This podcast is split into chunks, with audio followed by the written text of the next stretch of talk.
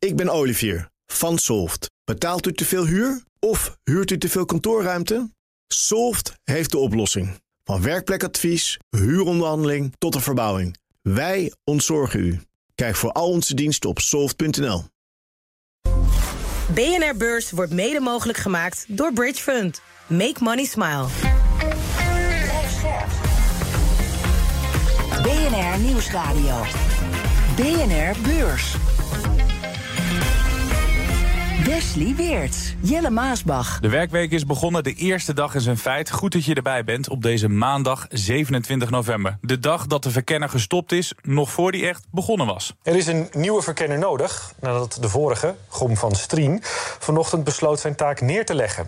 Van Strien stopt omdat er dit weekend berichten over een fraudezaak in de media verschenen. Geert Wilders erkent dat de aanstelling van een verkenner beter had gemoeten. Op de Amsterdamse beurs werd wel gewerkt, al had dat niet het gewenste resultaat. Want de AX sloot 0,2% in de min en eindigt iets boven de 764 punten. Ook lager gesloten is het aandeel DSM Firmenich. Dat verliest 3% en is daarmee de grootste verliezer. Ja, een nieuwe week en dus een nieuwe gast. En dat is Arend Jan Kamp van EX voor de allereerste keer in BNR Beurs.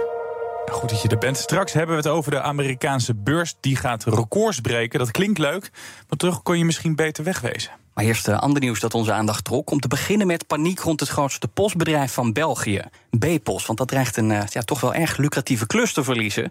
Sinds 2015 bezorgt B-Post de kranten en tijdschriften in België.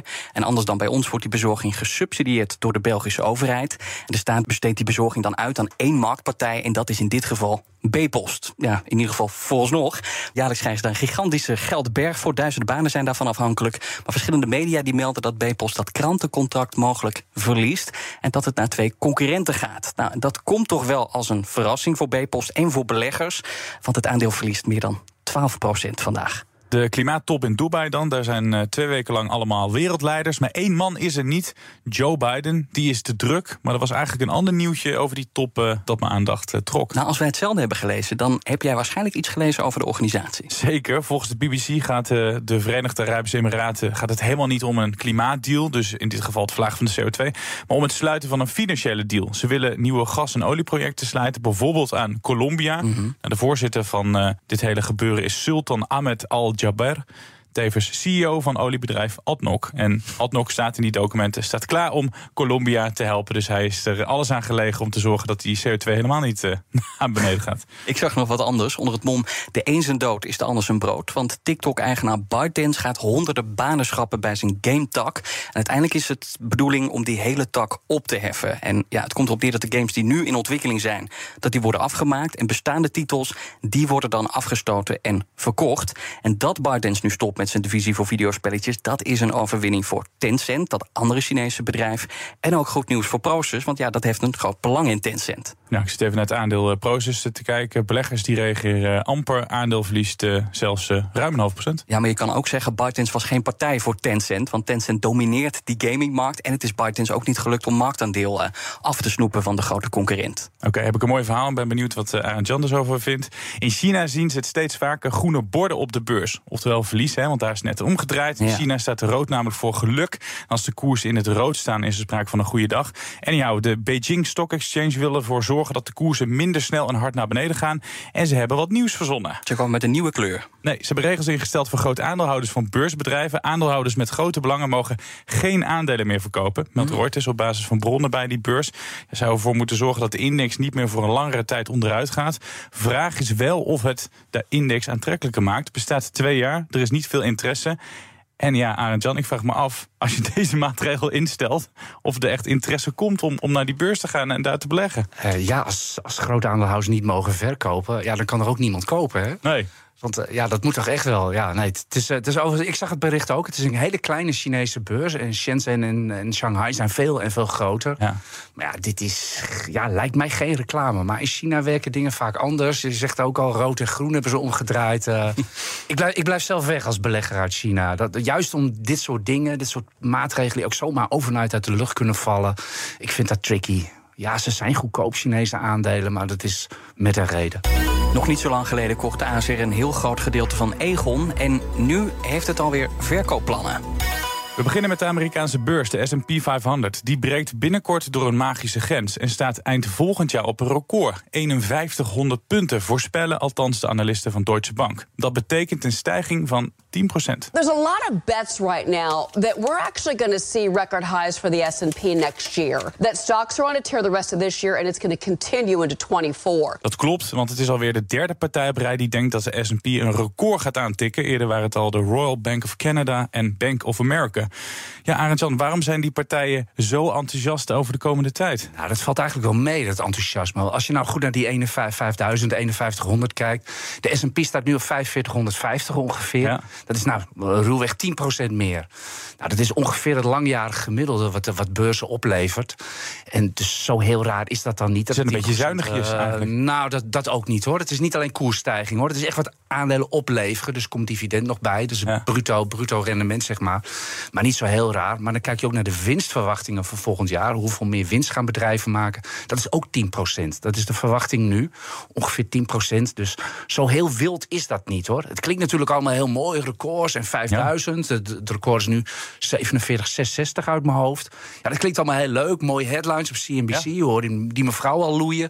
Ja, dat scoort natuurlijk, dat scoort natuurlijk lekker. Maar eh, ja, ja nou, eh, op basis van dit rekensommetje valt het denk ik allemaal wel mee. Ja, wij Het horen moet, het moet alleen wel nog even gerealiseerd worden. hè? Want, nou, eh, precies, daar zeg je ja. wat. Want wij dachten volgend jaar presidentsverkiezingen. Er schijnt een voormalig president een behoorlijke kans te maken om weer in het Witte Huis te komen. Er is natuurlijk gedonder over die begroting, de staatsschuld. Waarom zou die stijging van die S&P dan moeten doorzetten? Want er zijn de nodige risico's. Nou, net wat ik zeg. Uiteindelijk gaat het om, gaat het om winsten. Eh, het, is, het is een fout die, die, je- die je snel geneigd bent te, te maken. Dat je politieke dingen, dat je dat op je beleggingen van toepassing laat gelden. Nou, dat moet je nooit doen. Uiteindelijk, de, de markten prijzen gewoon de winsten van bedrijven in en niet politieke ontwikkelingen. Ja, op korte termijn zijn er, is dat altijd wel merkbaar. Als, als er oorlog komt of wat dan ook. We herinneren ons natuurlijk vooral Oekraïne nog. Met Israël en, en Gaza was dat natuurlijk al een stuk minder. Eigenlijk helemaal niet. Ja, dat zegt eigenlijk alles. Ja, waarom, zou je, waarom zou je je aandelen Unilever of Shell of Axo, of noem het maar op, eh, gaan verkopen omdat er ergens oorlog is? Omdat ze in Amerika ruzie maken over de begroting. Het gaat gewoon om hoe die bedrijven presteren. Dus West en ik slaan natuurlijk aan. Hè. Recorden vinden we het altijd mooi. Dan denken we, nou, dan kunnen we een mooie uitzending met Arend Jan eh, omheen bouwen. Maar dat En ik zit alles te relativeren. Sorry, Ja, maar jongens. goed. Maar die, die 5100 die schrikt jou niet af. Dus als je moet kiezen van moet je nu misschien maar naar een andere beurs gaan of, of lekker blijven zitten, dan zeg je je hoeft nu niet gelijk een andere beurs ergens op Je, te je zoeken. bedoelt of je Amerikaanse aandelen moet hebben. Ja. Oh, dat, is, dat is altijd heel leuk. Dat is altijd ieder jaar rond deze tijd. Eh Robeco was volgens mij dit weekend het eerste. Alle grootbanken, jullie noemden al wat voorspellingen. Ja. Die komen nu met hun vooruitblikken op, eh, op het volgend jaar. Ja. Dat is al vuistdikke rapporten met eh, heel veel grafieken en allemaal hele dure taal. Nou, je weet het, vaak kunnen dat soort rapporten al na drie weken weer in de, in de kliko. Hè, mooi voorbeeld was 2020. waren ook al die rapporten. Ja, één term stond natuurlijk nergens in. Dat is COVID-19. Ja. Nou, we waren januari al we drie weken onderweg en al die rapporten konden al, eh, konden al weg. Het is gewoon een scenario wat, dat- wat dat soort banken geven. Ja, en je moet een scenario hebben als je belegt. Dat is gewoon zo. En ja, je scenario is geldig eh, zolang die geldig is. Maar Ja. meestal sneuvelt het vrij snel. Maar Dus- ik hoor nog niet bij jou van je moet wegwezen. Nee, absoluut niet. Het is, ieder jaar staat in die, eh, staat in die, eh, in die bankenrapporten van ja, Amerikaanse aandelen zijn duur. Dat zijn ze altijd. Ze zijn altijd duurder dan Europese. Hoewel dit jaar het verschil echt wel heel groot is, recordgroot. Zeggen ze altijd van ja, misschien eh, wat minder Amerikaanse aandelen, wat meer Europese. Ja, en ieder jaar weer doen toch die Amerikaanse aandelen en dan vooral technologie doen altijd beter, jaar op jaar. Dus ja, het is gewoon, je gaat naar het casino, je, eh, je speelt al twintig jaar het balletje op, op rood, ik, ik noem maar wat. Ja, dat gaat al twintig jaar goed, terwijl het statistisch eigenlijk niet kan. En Arend Jan, nu we toch aan het voorspellen zijn, wat, wat zijn dan eh, voor volgend jaar de aandelen die het gaan doen? Oh, oh, Amerikaanse moet dat aandelen. nu al? Ja, nu Jezus, al. Ja, we nog- zitten. Dus december breekt bijna aan. Oh ja, de- deze, deze, deze had ik niet verwacht. Ik, ik had wel een heel ander koersdoel gegeven. Want, want weet je, eh, koersdoelen op korte termijn is, is onvoorspelbaar. Mhm. hè. Op op dagbasis is 50% kans dat het plus of min is. En dat loopt heel langzaam loopt dat op. En dan moet, je moet echt 20 jaar beleggen. Dan heb je 99,9% kans dat je goed zit. Mhm. En daartussen is het altijd maar uh, God zegene de greep. Ik heb even een heel lang sommetje gemaakt. Ik dacht, hoe staat die S&P 500, hoe staat die er nou in het jaar 2100 voor? Oh, op, de op de sigarendoos heb ik dat uitgerekend. Daar ben je de hele middag mee bezig geweest. Nee, nee, nee, nee, ik heb het echt even heel snel uit. Dat, dat zijn hele makkelijke sommetjes. En die maken die, die banken ook. Dit is eigenlijk dagelijks werk wat banken, verzekeraars... Uh, mm hele lange sommen maken. Daar rekenen ze mee. Ik heb 8% genomen. Uh, de Amerikaanse leveren Amerikaanse beurzen leveren de afgelopen 50 jaar ongeveer 10% per jaar op. Nou, daar haal ik dan 2% dividenden van af. Ik wil echt de prijsindex weten, de SP 500, 8%. Ja, ik schrok zelf ook van mijn rekenmachine, maar er stond 1,7 miljoen. Zo. dus S&P 1,7 miljoen jaar 2100. Schrijft u maar op. Nou Jelle, we hebben een nieuwe kop. Ja, heel goed. Nou, dan naar online bank Knap, want dat staat te koop. Verzekeraar AZR, dat nu de eigenaar is, willen vanaf. En AZR kreeg die bank in handen toen het Egon Nederland kocht. Maar ja, Knap brengt te weinig geld op en dus wordt nu naar een nieuwe eigenaar gezocht. Maar dat blijkt nog knap lastig, want er wordt al jaren met de bank geleurd... en kopers staan niet in de rij, want de interesse is laag. En daarover schrijft het FD. Maar Arend Jan, waarom is het nooit gelukt om van Knap een succes te maken? Uh, ja, te groot voor het servet, te klein voor het tafellaken. Mm uh, inderdaad, het, het, is een, het is een betrekkelijk kleine bank. Uh, volgens FD, die getallen die voorbij is gekomen... moeten tussen 600 en 700 miljoen ongeveer opleveren. Ja. Dat is ongeveer de, het, het richtgetal. dat is gewoon me handig meegenomen voor AZ... want die hebben, de bank, die hebben de bank gewoon gratis gekregen van Egon. En je zei het al, is bij alle Nederlandse activiteiten van Egon overgenomen. Nou, Egon wilde die bank ook graag verkopen. Hoeven we niet, zei AZ. Nou, dan krijg je er gewoon gratis bij. Dus, dus het is niet zo heel raar dat, uh, dat ASR hier wil vanaf, vanaf wil. Ze verdienen er sowieso geld aan. Ja, ASR is een verzekeraar en uh, KNAP is een bank. En ja, tot aan de kredietcrisis vonden we die combinatie op de beurs super sexy, bankverzekeraars, maar sindsdien niet meer. En het heeft ook wel een, heeft ook wel een reden. Uh, verzekeraars zijn eigenlijk wat makkelijke bedrijven, laat ik het zo maar zeggen. Banken, uh, die zit met witwassen. Die uh-huh. krijgt een enorme juridische afdeling erbij. Die moet je optuigen. Het kost waanzinnig veel geld. En je moet hoge kapitaalbuffers, hoge kapitaalbuffers aanhouden. En je hebt ook nog eens vuistdikke boeken met regelgeving, disclaimers. jullie weten het misschien als je mensen van de bank uitnodigt. Zeker. Behangen ja. met disclaimers lopen ze hier binnen. Dat, ja, enorm strenge regelgeving. Dus het is gewoon duur. En voor een verzekeraar is dat gewoon absoluut niet aantrekkelijk. Ja, het, lijkt toch meest geschikt, die bank, voor, ja, gewoon voor een andere bank. Die, die, die weet hoe ze het met dat bijltje moeten hakken. Ja, en dan heb je wel synergievoordelen. Precies. En die heb je nu niet als je een bank en een nee, verzekeraar hebt. Nee, dat is, dat is, het is hopeloos voor verzekeraars. Die willen, die willen dat echt niet. Er gingen wat namen rond, uh, zag ik in dat, uh, in dat FD-verhaal. Uh, handelsbanken, die naam valt ook vaak bij ABN AMRO, de mm -hmm. grote Scandinavische bank.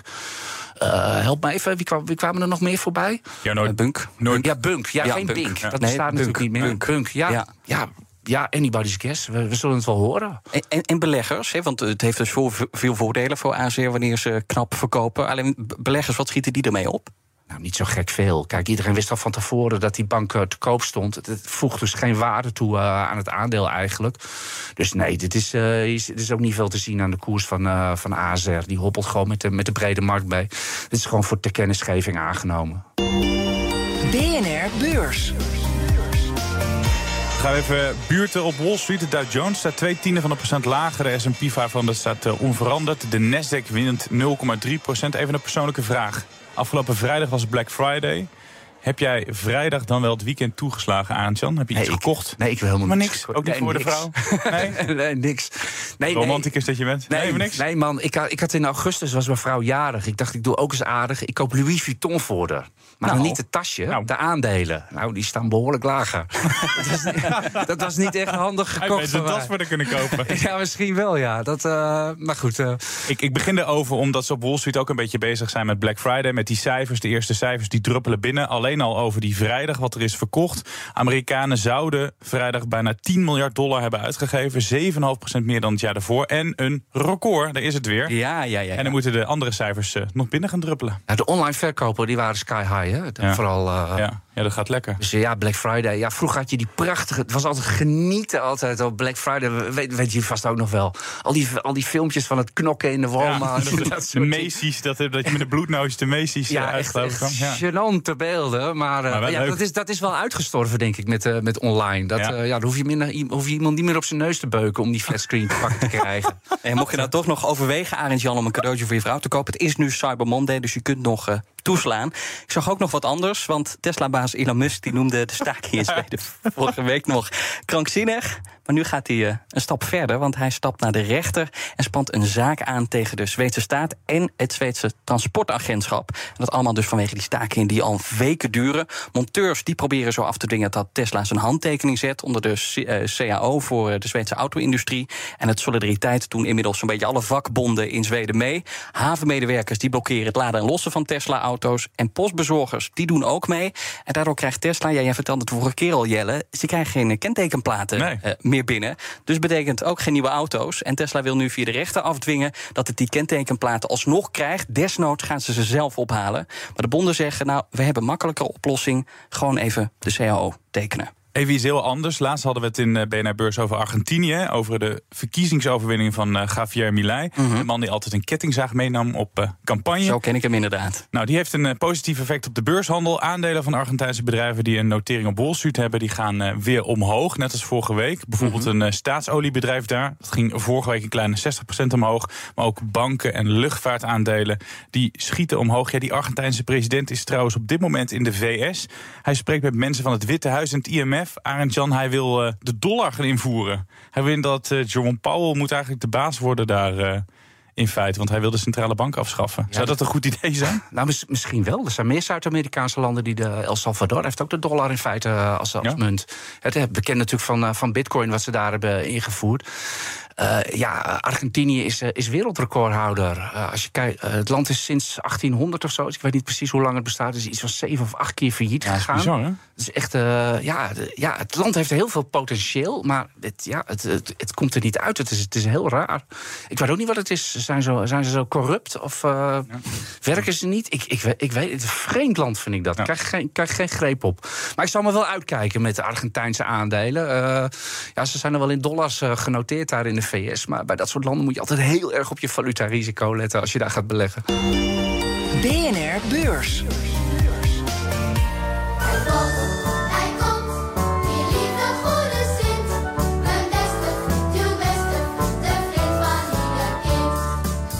Deze hele week spelen onze gasten voor Sinterklaas. We vragen ze welk aandeel zij in je schoen zouden stoppen. En Arend Jan, ja, volgens mij ben jij een zoete kou. Te zien aan het aandeel dat jij cadeau wil doen. Welk aandeel zou je cadeau willen doen? Ja, dat kan natuurlijk alleen maar hersie zijn. Snoepgoed, bekend van eh, M&M's, eh, Kit, of nee, niet KitKat geloof ik. Ja, maar ook al- eh, KitKat. Ja, ja. Oh, ik dacht dat dat van Nestlé Rolo, was. ja. Rolo. eh, allemaal hebben dat soort, licentie. eh, ja, het is de oudste Amerikaanse eh, chocoladeproducent. Anno 1889 of iets dergelijks. Mhm. En eh, ik kijk even naar de grafiek. En die eh, lag er eigenlijk wel heel mooi bij. Eh Hershey is een Amerikaanse dividend aristocrat. Ik zal even dividend aristocrat.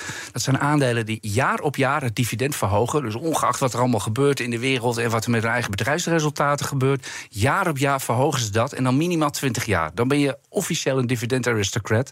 Full disclosure, ik beleg daar ook zelf in. Ja. Mooie aandelen allemaal. Hershey is daar ook een toonbeeld van. Een heel oud familiebedrijf, dat is er nu niet meer. Maar jaar op jaar die dividenden verhogen. Enorme outperformance ten opzichte van de brede markt. Ja, en dit soort aandelen vallen eigenlijk nooit op. Ze horen nooit bij de stijgers of dalers van de dag of het jaar of, of, of wat dan ook. Je, je ziet ze niet. Eh, maar ondertussen verdienen ze heel veel geld voor hun aandeelhouders. En dat laten ze ook, ook toestromen naar hun aandeelhouders. Dus op lange termijn, echt door decennia heen, zijn het echt fantastische aandelen. En Maar dat, geldt, zei- dat geldt niet alleen voor Hershey. Dat geldt voor al die, als ik ze heel even oneerbiedig, eh, vreedbedrijven mag noemen. Dus, dus, Dat mag jij. dus denk aan Coca-Cola, denk aan, aan PepsiCo, McDonald's. Die aandelen deden di- dit jaar heel slecht. En ja, ze zijn allemaal alweer in de rebound. Dus de echte, de echte kortingen zijn wel weg. Dat geldt voor, voor PepsiCo, Coca-Cola. Die waren echt even aantrekkelijk geprijsd. Maar Hershey is dat nog niet. Dus misschien als er zoete kouwen zijn. Ik heb verder niet naar het aandeel gekeken of zo. Ik weet niet of er issues spelen. Nee, want jij of zei, jij zei die grafiek die, zit er, die staat er mooi voor. Maar ik ben ook even aan het kijken. Coronacrisis. eh, nou, toen tot mij ging dat aandeel 2,5 keer over de kop. En eigenlijk is nu al die winst zo'n beetje weer kwijt. Dus hoezo maar staat die grafiek zo mooi voor? vooral naar de koers. Ik, kijk, ik kijk bij dit soort aandelen kijk ik echt naar wat ze opleveren. Vanwege voor dividend. mij als de Ja, aandeelhouder. hè. Aandelen inkoop, die term kennen we natuurlijk. Ja. Het is een stille, die, die zie je niet echt, maar die weegt echt wel mee.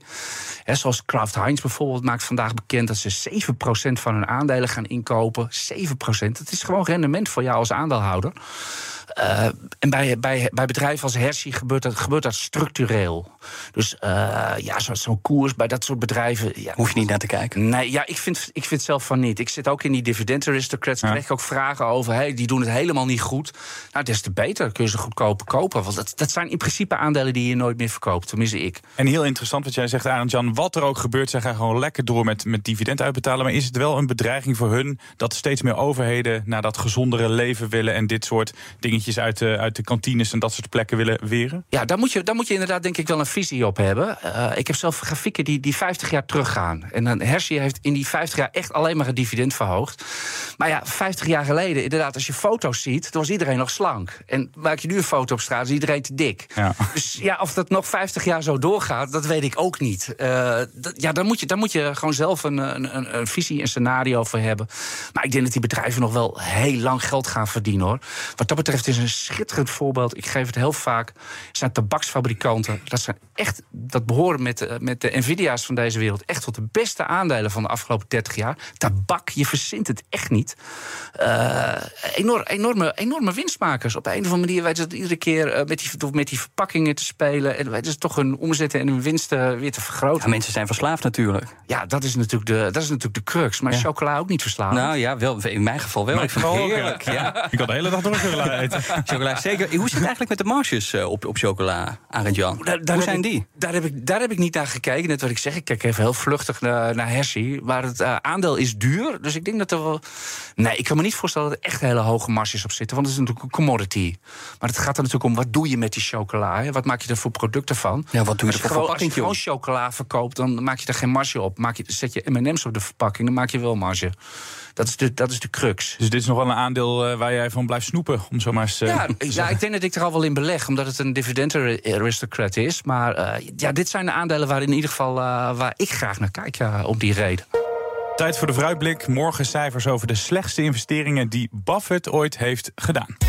Elke bedrijfstak heeft wel eens een slechte eeuw. Dat zijn Warren Buffett over luchtvaartmaatschappijen. Maar dan had hij het niet over dit jaar. EasyJet komt met de jaarcijfers en heeft al recordwinsten voorspeld. Net als vliegtuigbazen in andere landen overigens. Luchtvaartmaatschappijen die konden de tickets flink duurder maken. Maar ondertussen zijn er ook tegenvallers. Stakingen, toegenomen concurrentie en brandstofprijzen die alsmaar stijgen. Het is dus de vraag of EasyJet de hooggespannen verwachtingen kan waarmaken. Verder begint Ursula von der Leyen aan een tweedaags festijn met bedrijven. Tijdens die top gaat het onder meer over de energietransitie. Makkelijker gezegd komt iedereen lobbyen voor een nieuwe chipfabriek of lithiummijn. Dat is wat ongenuanceerd, maar niet ver van de waarheid. Het loont dus om de deelnemers even in de gaten te houden. Dit was BNR Beurs van maandag 27 november. En daarin ging het over de records op de Amerikaanse beurs. Over de aankoop van ASR, waar het na een paar maanden alweer vanaf viel. En Sinterklaas deelt dit jaar vroeg cadeaus uit. Met Arend Jan hadden we het over het aandeel dat hij aan een ander cadeau zou doen. En Arend Jan Kamp van IEX was ons cadeau deze aflevering. Dankjewel, fijn dat je er was. Graag gedaan. Ja, mooi dat verhaal over dat shoppen. Dat gaat nooit meer uit mijn hoofd. Hè, dat, je, dat jij mensen op hun neus beukt. mooi. Graag gedaan, eh, Ja, we kennen je nu een stuk beter. Tot de volgende keer, zeggen we dan. Tot morgen. Tot morgen. BNR Beurs wordt mede mogelijk gemaakt door Bridge Fund. Make money smile. Wist je dat managers evenveel invloed hebben op het mentaal welzijn van werknemers als hun partners? Toch voelt een derde van de managers zich niet in staat om hun team goed te ondersteunen bij mentale uitdagingen. Via het Open Up platform geef je jouw managers de tools die ze nodig hebben om dit wel te doen. Zo zijn jouw teams beter bestand tegen de uitdagingen van het dagelijks leven, thuis en op het werk. Benieuwd wat we voor jouw managers kunnen betekenen? Ga naar openup.nl/slash bedrijven. Let's open up!